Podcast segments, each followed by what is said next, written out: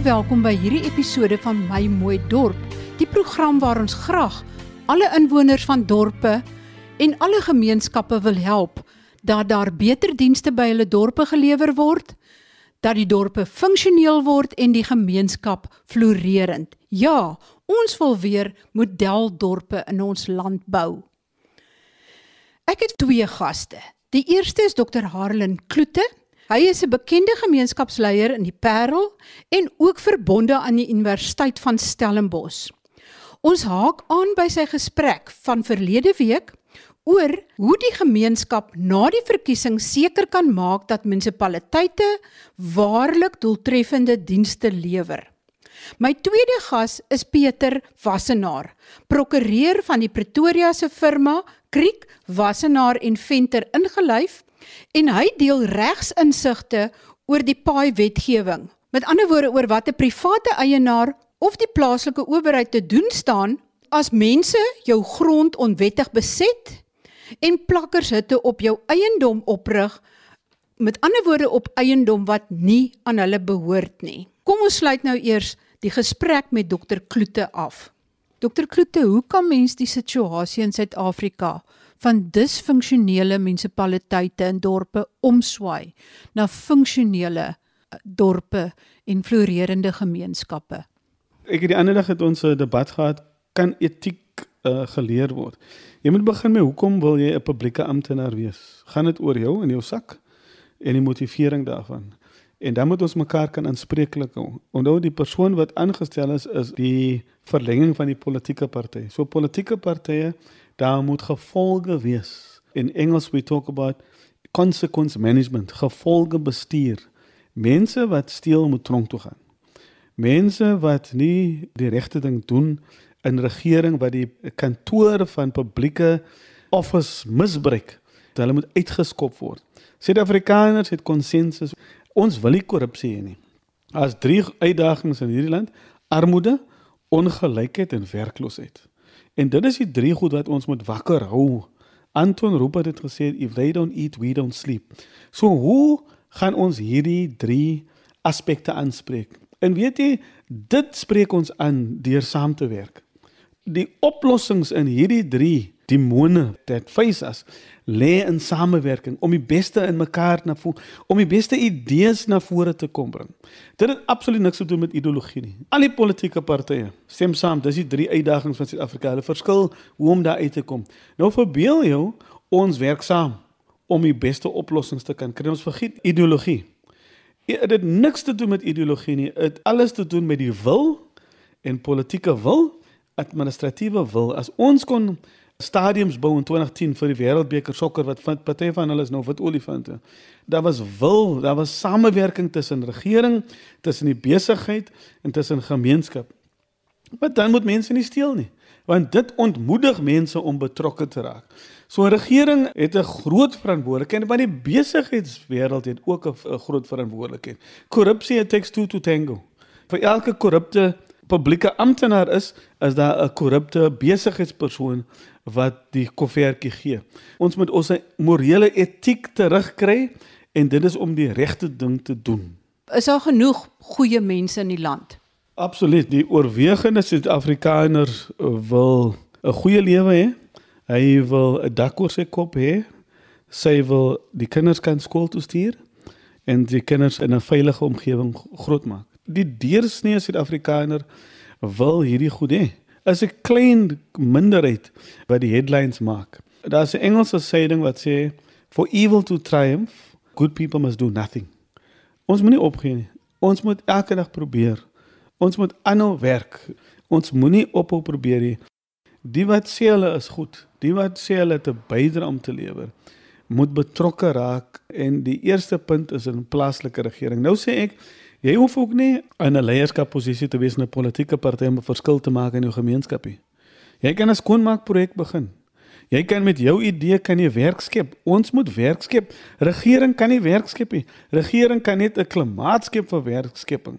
Maar die publieke sektor, die kerk moet 'n werkskepingsprogram daar hê, volhoubaar natuurlik. Ons moet beurse gee vir jong mense om in opvoeding te gaan.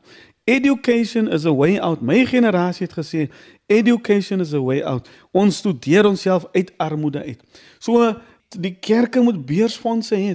Ons moet die sake sektor moet betrokke raak om jong mense in beurse te kry sodat mense to become educated sodat hulle die hoogste sport kan bereik. Ek glo absoluut in opvoeding. Ek is 'n oud onderwyser en ek dink ek is nou nog 'n onderwyser. Mens moet aanhou leer. We must embrace this concept of lifelong learning. Jy is nooit te oud om te leer nie.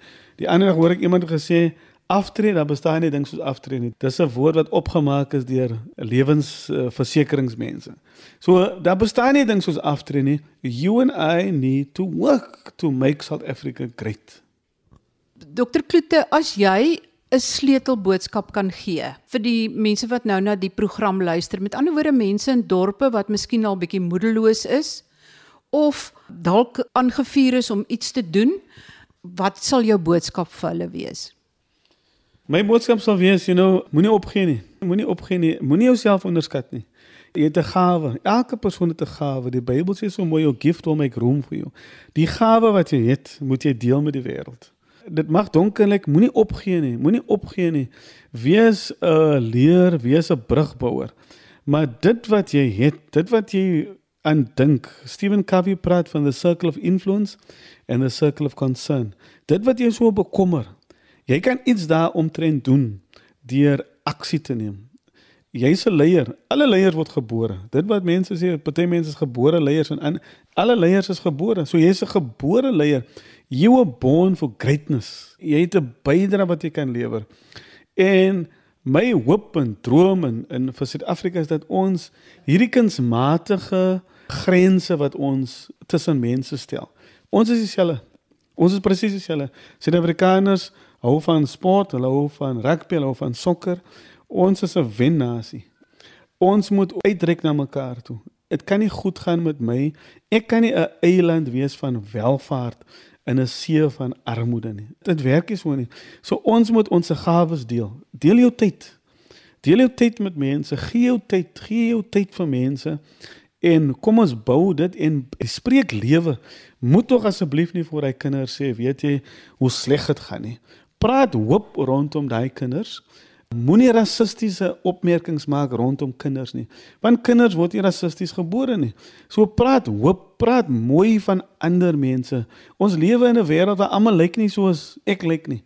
Almal lyk nie soos jy lyk nie. En so ons is saam in hierdie gedeelde nalatenskap. Ons het 'n bydrae om te maak. Moenie jou bydrae as gering onderskat nie. Maar vir die eerste stap, daar was onthou jy lank terug was 'n uh, oorgeklankte storie op TV, beste professor. En die tema liedjie was begin is 'n swaar ding. James Hart en so so begin. Ek weet begin is swaar, maar begin vir die eerste stap, you will be amazed wat kan gebeur as jy daai eerste stap neem. Baie dankie. Dit was dan Dr. Harlan Kloete, verbonde aan die Universiteit van Stellenbosch, wat hierdie inspirerende boodskap met ons gedeel het.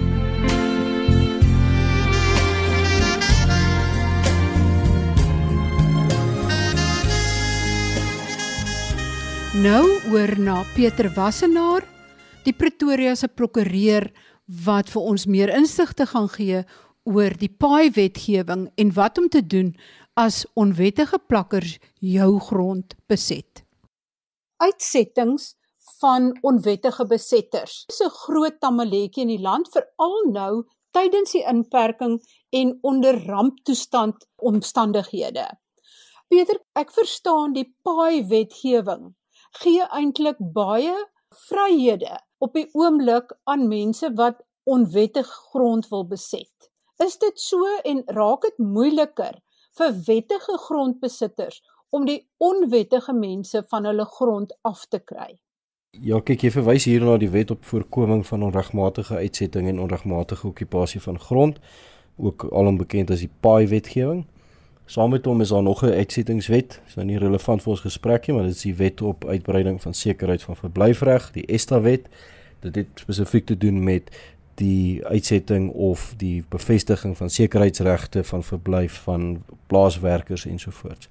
Maar waar ons nie te doen het met plaaswerkers en hierdie tipe situasies nie, waar ons te doen het met onregmatige besettings, dan werk ons met die paai wet. Nou hierdie wetgewing is baie belangrik vir grondeienaars en jou luisteraars om te verstaan en te weet hoe dit werk omrede daar byvoorbeeld 'n baie streng strafbeding by die paai wet ingesluit is wat bepaal dat enige persoon wat deelneem aan 'n onwettige uitsetting homself of haarself skuldig maak aan 'n kriminele oortreding wat strafbaar is met tot 2 jaar tronkstraf. En die rede hiervoor is is dat die paai en esta wetgewing kry hulle oorsprong nie uit die parlement self wat gedink het dis 'n goeie idee om hierdie goed uit te bring nie, maar uit die grondwet. Die Paai en Esta wet word onderskryf deur artikel 26.3 van die grondwet wat bepaal dat enige uitsetting van 'n persoon vanuit sy of haar huis of enige vernietiging van daardie persoon se huis sonder 'n hofbevel en sonder dat 'n hof alle omstandighede relevant tot die uitsetting en spesifiek die omstandighede van die persoon wat uitgesit word in ag geneem het word verbied. En hierdie wette, die Paai en Esta wette is spesifiek uitgebring om betekenis te gee aan hierdie artikel 26.3. So waarmee werk ons as ons met Paai werk? Eerstens dink ek ons moet kyk na wat beskerm Paai. En Paai, soos dit ons uit sy sy lang titel, daai titel van wet op voorkoming van onregmatige uitsetting en onregmatige okupasie van grond, het te doen met onregmatige okupasie aan die een kant en onregmatige uitsetting So eerstens bepaal paai dat enige beskermde persoon en dis 'n persoon wat 'n onregmatige okkupeerder is. So die persoon is juis nie wettig daar nie. Maar hy of sy bekom beskerming onder die paai wetgewing. Mag slegs uitgesit word met 'n hofbevel sodra daardie beskerming gevestig het. En daardie beskerming vestig oor 'n onregmatige okkupeerder 'n plakker, 'n oortreder van grond, iemand wat sonder toestemming daar is, sodra daardie persoon 'n tydelike skuilings of woning op 'n perseel gevestig het. Nou daai woordjie tydelike woning of skuilings is redelike wye definisie. Dit beteken enige huis, enige tydelike struktuur. Dit hoef nie 'n baie goeie struktuur te wees. Dit kan selfs 'n sinkplaat met twee plankies wees wat hom ophou. Enigiets wat lyk of dit 'n persoon se skuilings gaan wees sy woning vir 'n tyd. Dit hoef ook nie per 'n lang tyd te wees nie. Enige van hierdie tipe strukture kan selfs 'n tent wees. Hierdie tipe strukture is is genoeg om 'n woning te vestig volgens die paai wet. Dan moet die persoon net kan bewys dat hy of sy daardie skuilings sy woning agter wees om hierdie paai beskerming te kry. Nou die gevolg is dat sodra hierdie paai beskerming inskop, dan kry hierdie persone baie sterk beskerming. Ons mag hulle nie uitsit nie. Die polisie mag hulle nie kom verwyder sonder 'n hofbevel nie. Jy mag hulle nie verwyder sonder 'n hofbevel nie. Jy as grondeienaar of as munisipaliteit wat byvoorbeeld munisipale grond wil beskerm, jy moet die hof nader vir toestemming. En dan soos met artikel 26.3 se vereiste moet die hof al die omstandighede van hierdie okkupeerder oorweeg om te kyk of dit in die beste belang van die gereg is om daardie persoon uit te sit of sy konstitusionele reg tot behuising nie geskend sal word nie. En van die faktore wat in ag moet neem word en seker die belangrikste een is, wat is hierdie persoon se vermoë om alternatiewe behuising te kry? So, die bewyslas is eers op jou as grondeienaar om vir die hof te oortuig dat hierdie persoon het eintlik die vermoë om 'n nuwe huis te kry. Die alternatief is dat as die, die persoon nie die vermoë het nie, dan sit die paai wetgewing die plig op die munisipaliteit om alternatiewe behuising te bied. Dis hierso waar die pap dikwels op die grond val met hierdie sake. Ons kan kyk nou byvoorbeeld in Augustus weet ek is dit in die media gerapporteer dat die Saldanha munisipaliteit in die Kaap sukkel om uitsettings te doen want hulle het fisies nie alternatiewe grond om hierdie onwettige okkupeerders in Saldanha te verskuif nie. Ek weet nie of die situasie sedertdien verander het nie, maar dit is byvoorbeeld 'n wesenlike probleem. Ek weet van sake in Pretoria en Johannesburg waar daar okkupeerders is wat al vir etlike jare op 'n privaat stuk grond ook onwettig okkupeer sonder die toestemming van die grondeienaar en waar daar reeds bevele eh, gegee is om hulle uit te sit maar waar die munisipaliteit nie kan bewys of die vermoë het om alternatiewe behuising of alternatiewe grond ten minste vir hierdie okkupeerders te bied ten einde hulle alternatiewe behuising te gee nie.